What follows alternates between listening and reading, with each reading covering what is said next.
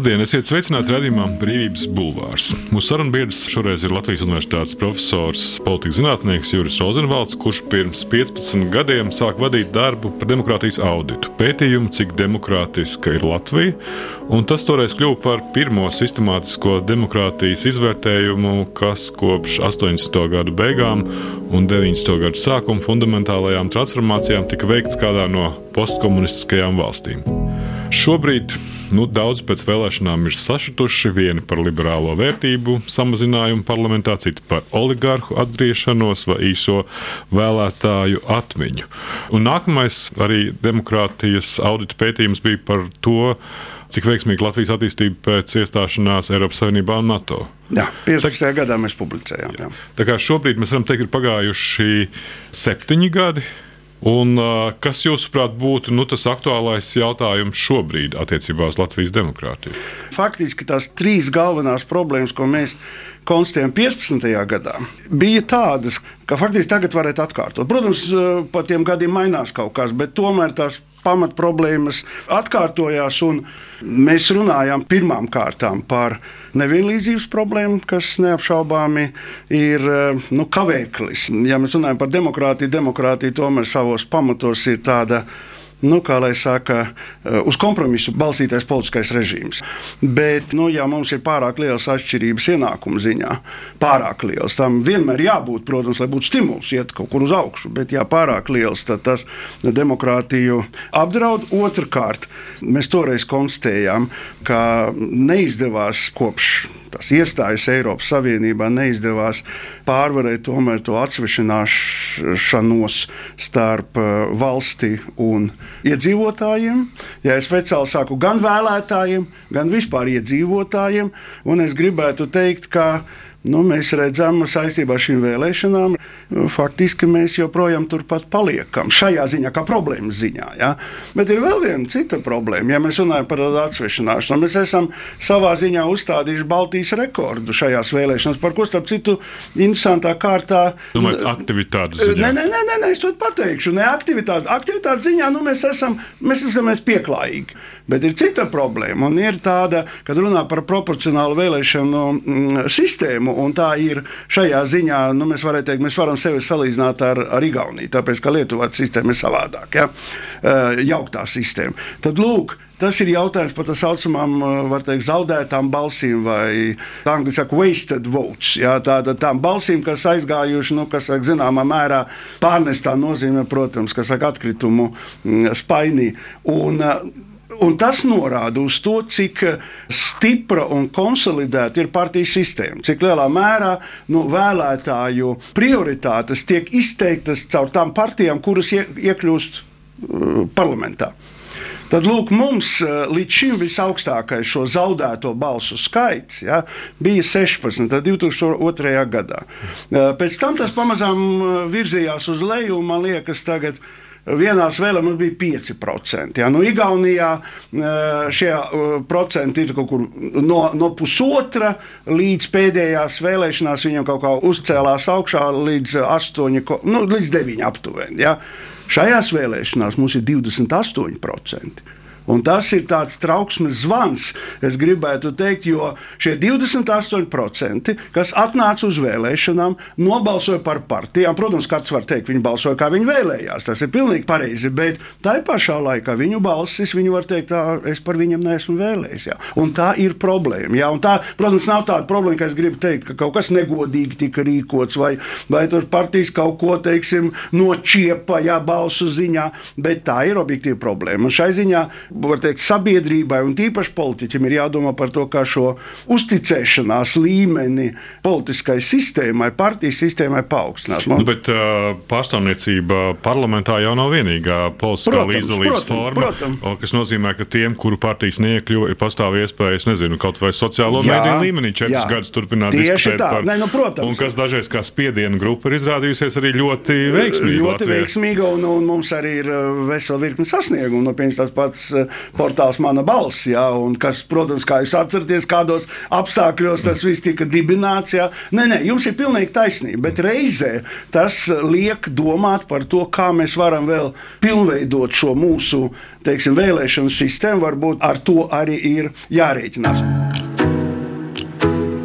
Rietumu literatūrā tiek pasvītrots, ka demokratizācijas process ir saistīts ar to, cik lielā mērā elites līmenī tiek noslēgts pakts, vienošanās. Ja skatāmies uz Latvijas politiskajiem procesiem, neapšaubām mēs varam konstatēt šādu paktu. Nu, kā Latvijas ceļu citādāk saprast? Ļoti vienkārši sanāk kopā daļa no bijušās kompartijas nomenklatūras un kāda emigrācijas politiķa daļa, Meirovics ar Gorbano sēž pie viena galda un spriež par to, kā mums tagad izkārtot. Tā pirms desmit gadiem intervijā Rīgas laiks stāstīja profesors Juris Odenvalds.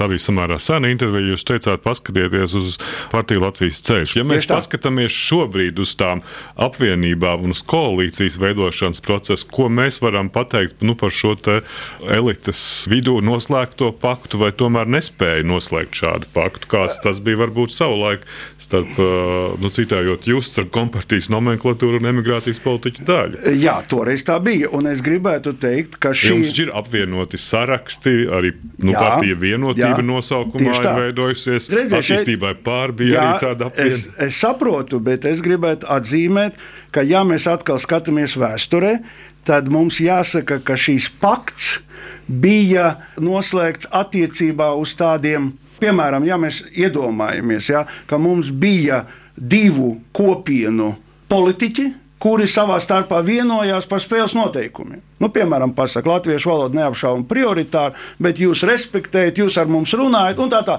Tas taču nebija.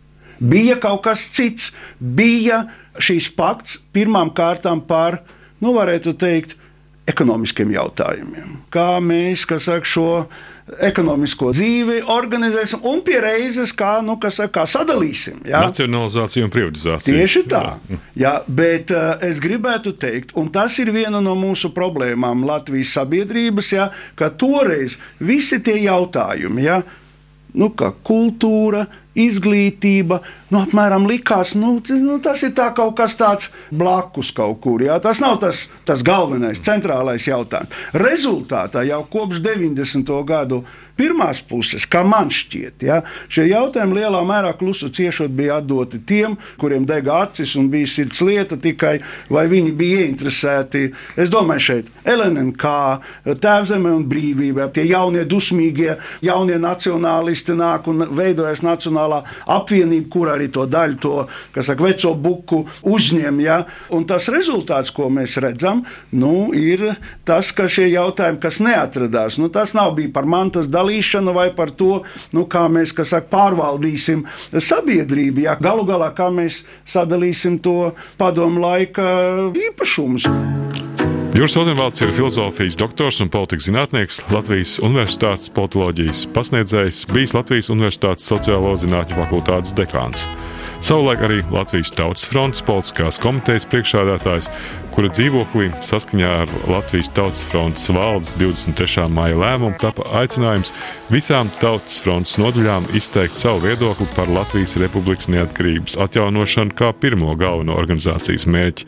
No 1975. gada strādājis Universitātes vēstures filozofijas fakultātē, kur viņa pētījuma tēmas bija gan fenomenoloģija, gan marksa politiskā filozofija, bija demokrātijas audita 2005. un 2014. gada pētījuma vadītājs. Pēdējos gados veidojas desmitiem publikācijas gan par demokratizāciju Latvijā, Krievu etniskās minoritātes stāvokli, gan integrācijas, politiskās kultūras un līdzdalības jautājumiem. Daži eksperti šobrīd uzskata, ka vēlēšanu rezultāti, izņemot partiju stabilitātei, liecina, ka mums vairs nav šis dalījums Latvijas un Krievijas partijas. Es domāju, ka šīs ziņas ir nu, stipri optimistiskas. Un, ja mēs no šī viedokļa paskatāmies uz to saka, diskursu, nu, es teiktu, vairāk kā pusgadu, nu, no, skaidrs, ka no 24 februāra, jā, kad, kad sākās karš un viss, kas saistīts ar karu. Nu, pēc tam arī šūmēšanās ap 9. un 10. maiju, un kas viss vainagojās ar pieminiektu nogāšanu uzvaras parkā. Jā. Es domāju, ja mēs pavērojam diskursu, protams, mēs saprotam, ir priekšvēlēšana laiks.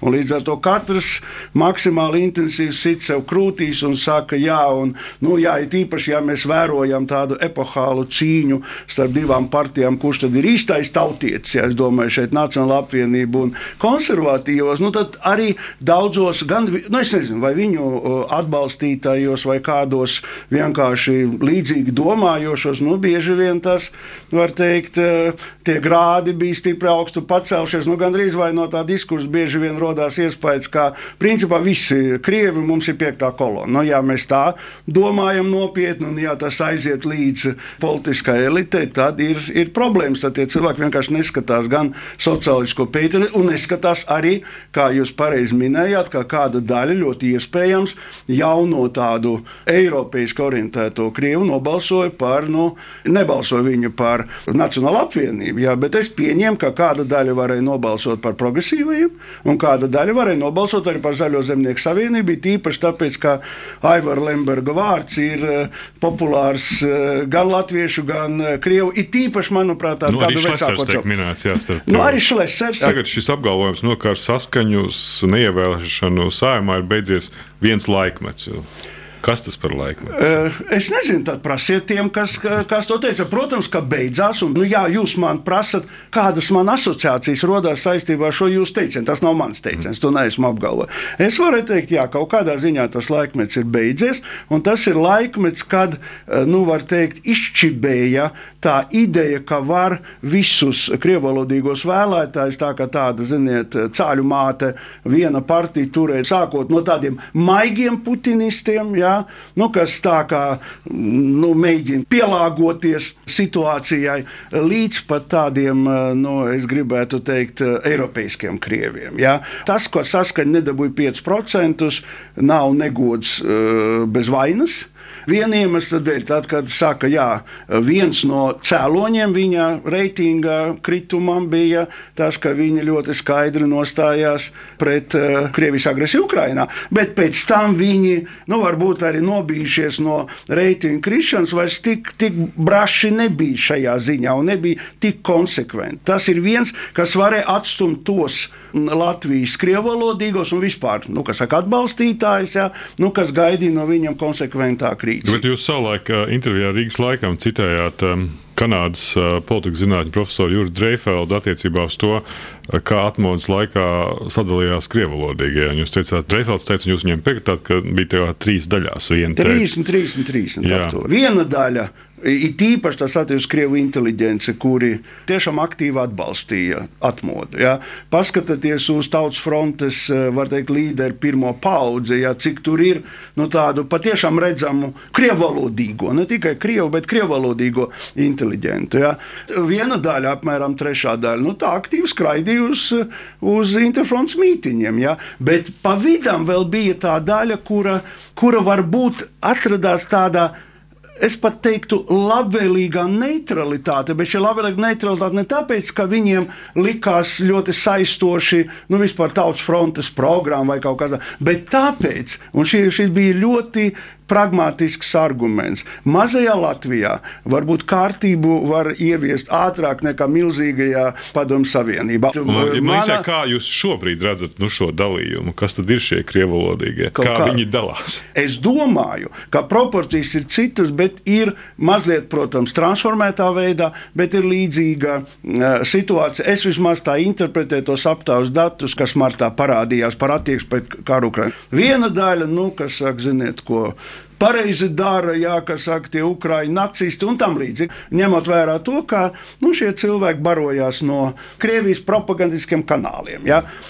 Viena daļa tie eiropeiskie krievi, kuriem nekas nav jāpierāda, nu, tie apmēram 25% pēc tam aptaujā, mm. aptuveni. Nu, mēs varam tur tā 25, apmēram 4 daļa, jā, ar kuriem kur ir skaidrs, kur tā nostāja bija no pašā. Un tad pa vidu bija tie, kas manā interpretācijā atradās tādas kognitīvās disonances, kas saka, situācijā, proti, priekš viņiem Krievija ir nu, tēva vectēva zeme. Līdz ar to, ar to saistās tās pozitīvās emocijas. Un pēkšņi viņi redz, kas notiek asociācija ļoti daudziem cilvēkiem, kas zina vēsturi, ka Kijevu bombardēja četros no rīta. Tā viss 41. gada 22. jūnija vistiešākajā veidā saistīta. Ja? Un līdz ar to kas notiek. Ja? Un tā ir tā kognitīvā disonance, ka cilvēki jūtas dezorientēti. Viņi no vienas puses nav gatavi uzreiz teikt, jā, nu, ziniet, noziedzīga rīcība un tā tālāk, bet viņiem arī tas nav tā kā iekšēji pieņemams. Ja? Un tur tā mans arguments, ka, ka šo te vidējo daļu, ja, ar to ir jārunā. Un, diemžēl, nu, jāsaka, ka mums ir kanālu un līdzekļu, ko būtu atbalstījusi Latvijas valsts, ir pamats, tā es varētu teikt, tā uzmanība. Radījums Brīvības Bulvārs. Sarunas par to, kas notiek un ko mēs par to varam domāt. Jautājums, kurš šobrīd ir dienas kārtībā, mums ir, ir šī sistēma, lai Latvijas Demokrātiskā partiju sistēma funkcionētu. Pēc vēlēšanām partijas saņem šo finansējumu. Un ir parādījies jautājums, vai partijām, kuras ir klaju un atklāti prokremlisks savā retorikā, pienākās šī Latvijas nodokļu maksātāju nauda. Sāksim ar to, ka jau šajā vasarā parādījās, un, kā jūs zināt, arī eh, mana balss tika vākt paraksti, lai aizliegtu Latvijas-Krievijas Savienību. Tas ko, ir tas pats jautājums. Jā, ko atbild drošības dienests. Drošības dienas saka, atvainojiet, mēs varam sodīt par rīcību, bet mēs nevaram sodīt par to, kā, nu, ka kāds saka, nē, nu, tā ir prokremliskā partija. Salīdzināsim ar, teiksim, ar Vāciju, ja, kur Vācija savulaik Vācija bija aizliegta komunistiskā partija. Bet tad, kad bija Tautas frontes laiks, un tad, kad mēs ar Jāni Jurkānu toreiz no Tautas frontes tikām sūtīti uz Eiropas parlamentu, lai aicinātu atbalstīt mūs, ja, kādreizējais mūsu arī valsts labklājības ministrs Riteņa kungs, ja, nu, pēc pa šiem kanāliem mums vadīja, tad mēs ar visādiem ļoti interesantiem personāžiem bijām tikušies ar Otto von Habsburgu, ar Lipēna kungu, eh, es pasūtu nevis uh, meitu, bet tēvu, ja, un mēs bijām tikšanās ar Nacionāla konservatīvās partijas līderi. Manuprāt, viņam uzvārds bija Šons Hubers. Ja, man tā liekas. Ja. Tad, kad mēs aizbraucām uz Bonnu un izstāstījām to Andrejam Urdzem, kurš patiešām tiešām bija. Es domāju, tas ir cilvēks, kas ir milzīgi daudz, un tas ir nenovērtēts joprojām mūsu eh, valstī, jau mūsu sabiedrībā. Kāds milzīgs ieguldījums bija no Andreja Urdzes, kurš dzīvoja, darbojās Bonnā, jā, tieši veidoja šos sakarus. Jā, tas ir nenovērtējams, manuprāt. Tad uh, Urdze vienīgais, ko mums teica, turiet muti, nepasakiet nekur kad jūs iznāk, būs tikšanās piemēram ar kristīgiem demokrātiem vai sociāldemokrātiem vai, vai brīviem demokrātiem. Vienā. Nepasakiet, ka jūs ar Šonhuberu esat runājuši, jo tad viņi ar jums nerunās. Nu, principā, kas bija Nacionāla demokrātiskā partija, es nezinu, vai tagad ir kā es tā tik labi nesekoju, ja? bet uh, toreiz nu, tā bija tā, tik uzskatīta par tādu, ziniet, partiju ar tādu mazliet neonacistisku tādu flēru, ja, tādu, nu, kas saka, kā uz to pusi. Ja? nu, nepatika viņa oficiālajai politiskai elitei, bet, nu, kas saka, kamēr darbojās pietiekami uzmanīgi, es domāju, ko tas dod jūsuprāt? Redziet, Ko nozīmē legālie kanāli? Savā ziņā svilpe, caur kuru iziet tvaiks. Krievijas Savienība ir svilpe, caur kuru iziet tvaiks. Ir viena daļa sabiedrības, kas tā uzskata, bet vismaz redziet, ko mēs panāksim, kad mēs aizliegsim. Es nerunāju par to, ka vajag piedot visu, ko. Ja? Ko mēs panāksim? Mēs panāksim to, ka nu, šie uzskati nepazudīs kā tādi. Viņi, viņi būs ārpus legālā lauka. Ja? Bet šajā gadījumā, ja debatēs piedalās Mitrofānova kungs, tad tādā gadījumā vairāk vai vai mazāk, tā darbošanās legālajā laikā ir arī tie ierobežojumi, ko ievēro kompetentā struktūra. Tā. Konstatē, ka ir kāda rīcība, kas iziet, tad tur jābūt ātrai. Nu, un... Mēs ļoti labi atceramies, ka Tatjana Ždanaka bija viena no tām novērotajām tajā saucamajā Krimas referendumā. Jā, tieši, tieši tā. Un tas taču ir fakts. Tie, tas ir fakts, jā, un Ždanoks Kremļa projekts par to gan man, man gan nav nekādu šaubu, nevelti. Jūs atceraties, bija kādreiz eh, līdztiesība par cilvēku tiesībām vienotā Latvijā, ja, un pēc tam pēkšņi kļuva par Latvijas-Krievijas Savienību. Kad tas notika? Tas notika tad, kad no Kremļa sāka aktīvi stumdīt uz priekšu eh, Krievijas pasaules ideju. Tad uzreiz mums radās Krievijas Savienība. Tāpēc politiskajā procesā, acīm redzot, labāk to spēku, kuri nav draugi, ja, saglabāt šajā legālajā, ja viņi izpilda tos noteikumus, nevis, kas saka, izstumt kaut kur, un tad pēc tam kraidīt pakaļ un mēģināt noskaidrot, ko tad viņi tur savās galviņās ir izdomājuši. Tā nav situācija, kura ir patīkama un komfortabla. Ja. Šo ceļu ilustrē arī attieksme pret Marksu, kāda atjaunotās neatkarības gados ir plaši sastopama gan Latvijas politiskajās aprindās un mēdījos, gan pašā sabiedrībā, un tā ir raksturojama kā padomju laika attieksmes spoguļattēls. Toreiz Marks, kā sociālistiskās ideoloģijas dibinātājs un saprotams Engels un Ļeņins, tika nekritiski celts gluži vai debesīs.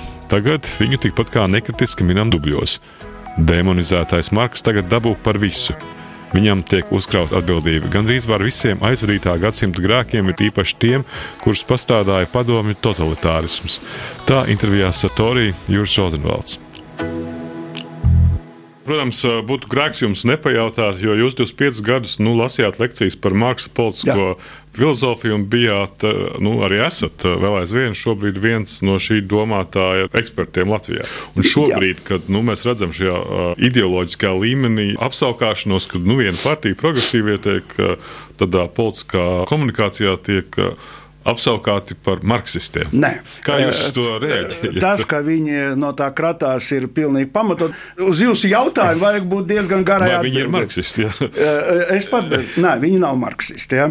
Pirmkārt, ja īsi centīšos. Ja mēs runājam par Marksu, tad uzreiz ir jāsaprot, kur Marksā ir galīgi novecojis un kas Marksā ir joprojām derīgs. ļoti nozīmīgs, derīgs, un kas padara viņu par vienu no izcilākajiem sociālajiem zinātniekiem. Starp citu, vienu no visvairāk saka, citētajiem, kritizētajiem, bet, ja, ja mēs runājam par to, to kas sauc citation indeksu, no, tad tur viņam vai Hirša indeks, ja jūs vēlaties ja, no šī viedokļa, viņam būtu nu, absolūti fantastisks. Ja.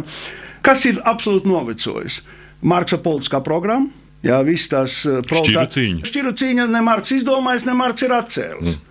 Šķiras, ja mēs runājam, ka objektīvi cilvēki pēc viņu ir, kas saka, īpašnieki, ir darba ņēmēji, tās ir šķiras. Ir cita lieta. Proletariāts atbrīvos ka, visu. Jā, kā Marksam, kur viņš ir neapšaubām kļūdījies, ir tas, ka viņš uzskatīja, ka šķiriskā pazīme ir tā noteicošā cilvēka dzīve. To mēs zinām, ka tā tas nav. Un tas ir viena no marksiskām dogmām un saka, aiz, aizspriedumiem. Ja? Un, protams, visas tās idejas par proletārisko revolūciju, nu, ir arhīvā Eh, sen nodotas, un diez vai izņemot kaut kādus tur, nu, teikt, tādus eh, fanātiķus, mēs varam mūsdienu pasaulē. Tas ir tas, kas ir novecojis. Otrkārt, ļoti daudz ko par Marksu var teikt tieši par to, kāds viņš pats bijis kā politiķis. Tā nav īpaši pievilcīga aina. Viņš bija kašķīgs Viņš apvainoja arī savus saka, līdzgaitniekus, bieži vien nepamatoti. Ja? Un šajā ziņā nu, tas nav tas, ko nākamajām paudzēm vajadzēja pārņemt. Bet tagad par to, kur Marks patiešām viņa nozīme saglabājas līdz mūsu dienām. Viss, kas ir saistīts īpaši ar eh, kapitālisma analīzi, es pasvītroju nevis politisko novērtējumu, bet tieši analīzi, pirmkārt, kapitāls. Ja? Tur, kur viņš objektīvi, pilnīgi apzināti ieņemot tā saucamā zinātniskā ko viņš pats savs stoicismu pozīciju, respektīvi nevis morāli noraidot, bet pētot, kas ir kapitālisms. Un es tagad es jums varu grūbas kungs pretī uzdot, nu, turpinot, kā, man, kā daļa no manas atbildes, ja, ko mums te stāsta visu laiku mūsu saka, ierēģi, augstākie politiķi. Viņi saka, krīze nāk, kad nāks, nezinām, bet nāk. A, kurš pirmais pateica, ka kapitālismā krīzes ir neizbēgamas? Atvainojiet, tas ir Kārlis Marks. Ja? Un tieši viens no viņa nopelniem ir tas, ka viņš pirmām kārtām viņš parādīja, nu, jo resursi ir ierobežoti. Nē, nē, nē, nē, nē tas nav Maltus. Tas nav Maltus. Jā, jūs uzzīmējat uz Maltus. Maltus Marks ir kritizējis, bet Marks ir teicis vienu. Pirmkārt, kas ir arī viņa atzīts rietumos, rietumu sociālā zinātnē nopelns. Viņš ir pirmkārt pasvītrojis kapitālismu milzīgo progresīvo nozīmi, tas paradoxāli neskan. Ja? Izlasiet manifestu, piemēram, ja? Eh, arī kapitālā tas ir, ja? un viņš arī zinātniski pamatojas, kāpēc kapitālismā šī, eh, var teikt, tehniskais progress ja, ir daļa no kapitāla būtības. Ja. Kapitāls nevar uh, pastāvēt savādāk nekā ieviešot jaunas un jaunas. Uh, viņš paskaidro, kāpēc. Es vienkārši neizplūdīšu detaļās. Un tas ir krīžu, un un tas ir krīžu cēlonis. Un reizē viņš teica, tas ir krīžu cēlonis, tāpēc, ka ieviešot uh, jaunas tehnoloģijas, kapitālisms pēc Marksa neizbēgami pazemina peļņas kas saka, procentu, un līdz ar to tur notiek citi procesi, kas noved neizbēgami pie krīzes. Marks uzskatīja, Un šeit atkal sākās mana runa par to, kur Marks ir kļūdījies. Ja? Marks uzskatīja, ka tas neizbēgami novedīs pie kapitālisma bojā ejas. Tāpēc vienkārši savu iekšējo pretrunu dēļ. Ja? Bet acīm redzot, mums jāpārmet, kas ir zinātniskā, uh, kā viņš pats uzskatīja, sociālismu pamatlīdzējam, to, ka viņš uzsverot ekonomiskos jautājumus, tā pašā laikā stipri maz pievērsa uzmanību sociāli politiskiem jautājumiem, jo pārāk viņš bija ieciklēts uz to savu vēstures materiālisko izpratni. Ja? Tas, ka viņam e, ir šīs idejas par nu, to te tehnoloģiskās attīstības un kapitāla ciešo saistību, kas reizē rezultēs periodiskās krīzēs, ja? nu, ir, tas ir neapšaubām, nu, to nevar noliekt, ka tas ir Marksa nopelns. Tagad par progresīviem un marksistiem. Nu, jā, jo jautājums ir par to, vai mums trūks šo kreiso ideju. Kā, nu, jā, mums jo trūkst jūs kreiso. Jūs vairāk kārt teicis intervijās, ka mums Latvijā trūkst kreiso ideju. Mums šobrīd ir ievēlēta partija progresīvie, kura vieni sauc par izteikti kreisajiem un izvēlējušies par savu ienaidnieku tēlu. Nu, nu, un negrib veidot koalīciju. Uh, nu, nevar būt visiem patīkamam. Jā, saka, jā, tu, jā, tu daudz maz konsekventi centies attīstīt idejas. Bet es gribētu uzreiz pateikt, ja mēs runājam par nu, sociālisma tradīciju, ja, tad uh, sociālisms šeit jāatbrīvojas no tās pārliecības, kas ir bieži vien ļoti daudziem Latvijas iedzīvotājiem. Viņi saista pirmām, kad viņi dzird vārdu sociālisms, viņi uzreiz iedomājas, ko viņi no vecākiem dzirdējuši par padomju tipa sociālismu. Ja? Mm. Es gribētu uzreiz teikt, ka ir viena lieta, nu, es arī gatavojot Nacionālo encyklopēdiju rakstu par marksismu. Ja? Es rakstīju, ka ir jau uzreiz pēc Pirmā pasaules kara notiek šķelšanās. Ir tas saucamais, to, ko es nu, pēdiņās, to austrumu marksismu. Nu, tas ir tas, kas mm. attīstās mm. Krievijā, kas pēc tam uh, kaut kur Ķīnā, jā, bet nu, ar atšķirībām. Jā. Un ir tas, kas ir rietumu marksisms. Jā. Un savukārt pēc tam notiek arī šķelšanās starp nu, tādiem komunistisko ideju pārstāvjiem, kas saka proletāriskā revolūcija un tiem, kuri attīsta tālāk Edvarda Bensteina ideju, kurš polemizē ar Marksu. Marksam sociālisms ir sabiedrība, kur radīsies proletāriskās revolūcijas rezultātā. Bernsteins saka, ka sociālisms tā ir tendence pastāvošā sabiedrībā, kapitāliskajā, uz šīs sabiedrības humanizāciju. Un no tā radās tas, ko sauc par reformistisko rietumu eh, sociālismu, ja, un kas tālāk transformējās, ir tas klasiskais, no kurš saka par teikt, strādnieku tiesībām, ja, pirmām kārtām, un uh, vēlāk, un to mēs varam runāt jau uh, 20. gadsimta uh, nogalē, ja radās tā saucamais trešais ceļš.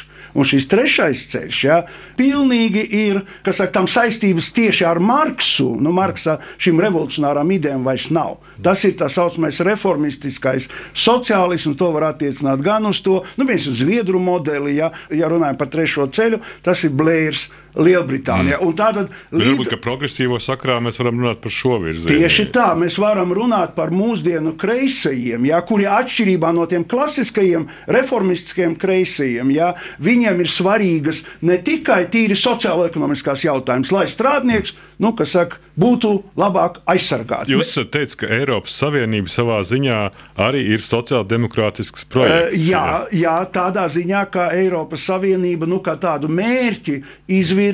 Individu uh, politisko līdzvērtīgumu sakat. Gan politisko, gan sociālo-ekonomisko. Un tieši šīs jau, kāpēc mums ir šīs kohēzijas fondi visādi Eiropas Savienībā, no kuriem mēs arī savā ziņā mm. profitējam. Ja? Tas ir mēģinājums iespēju robežās Eiropas Savienībā. Izlīdzināt nevienlīdzību. Mm. Paldies! Tas bija profesors uh, Juris Rozenvalds, mans vārds Gins Grūbe, raidījumu ierakstīja Toms Šits un montēja Nora Mitspa. Paldies! Paldies! Brīvība ir brīvība. Nevienlīdzība vai taisnīgums, vai kultūra vai cilvēks laime. Tā teica Iesai Berlīns. Sarunas ar brīvas apziņas un ideju cilvēkiem - radījumā Brīvības bulvārs.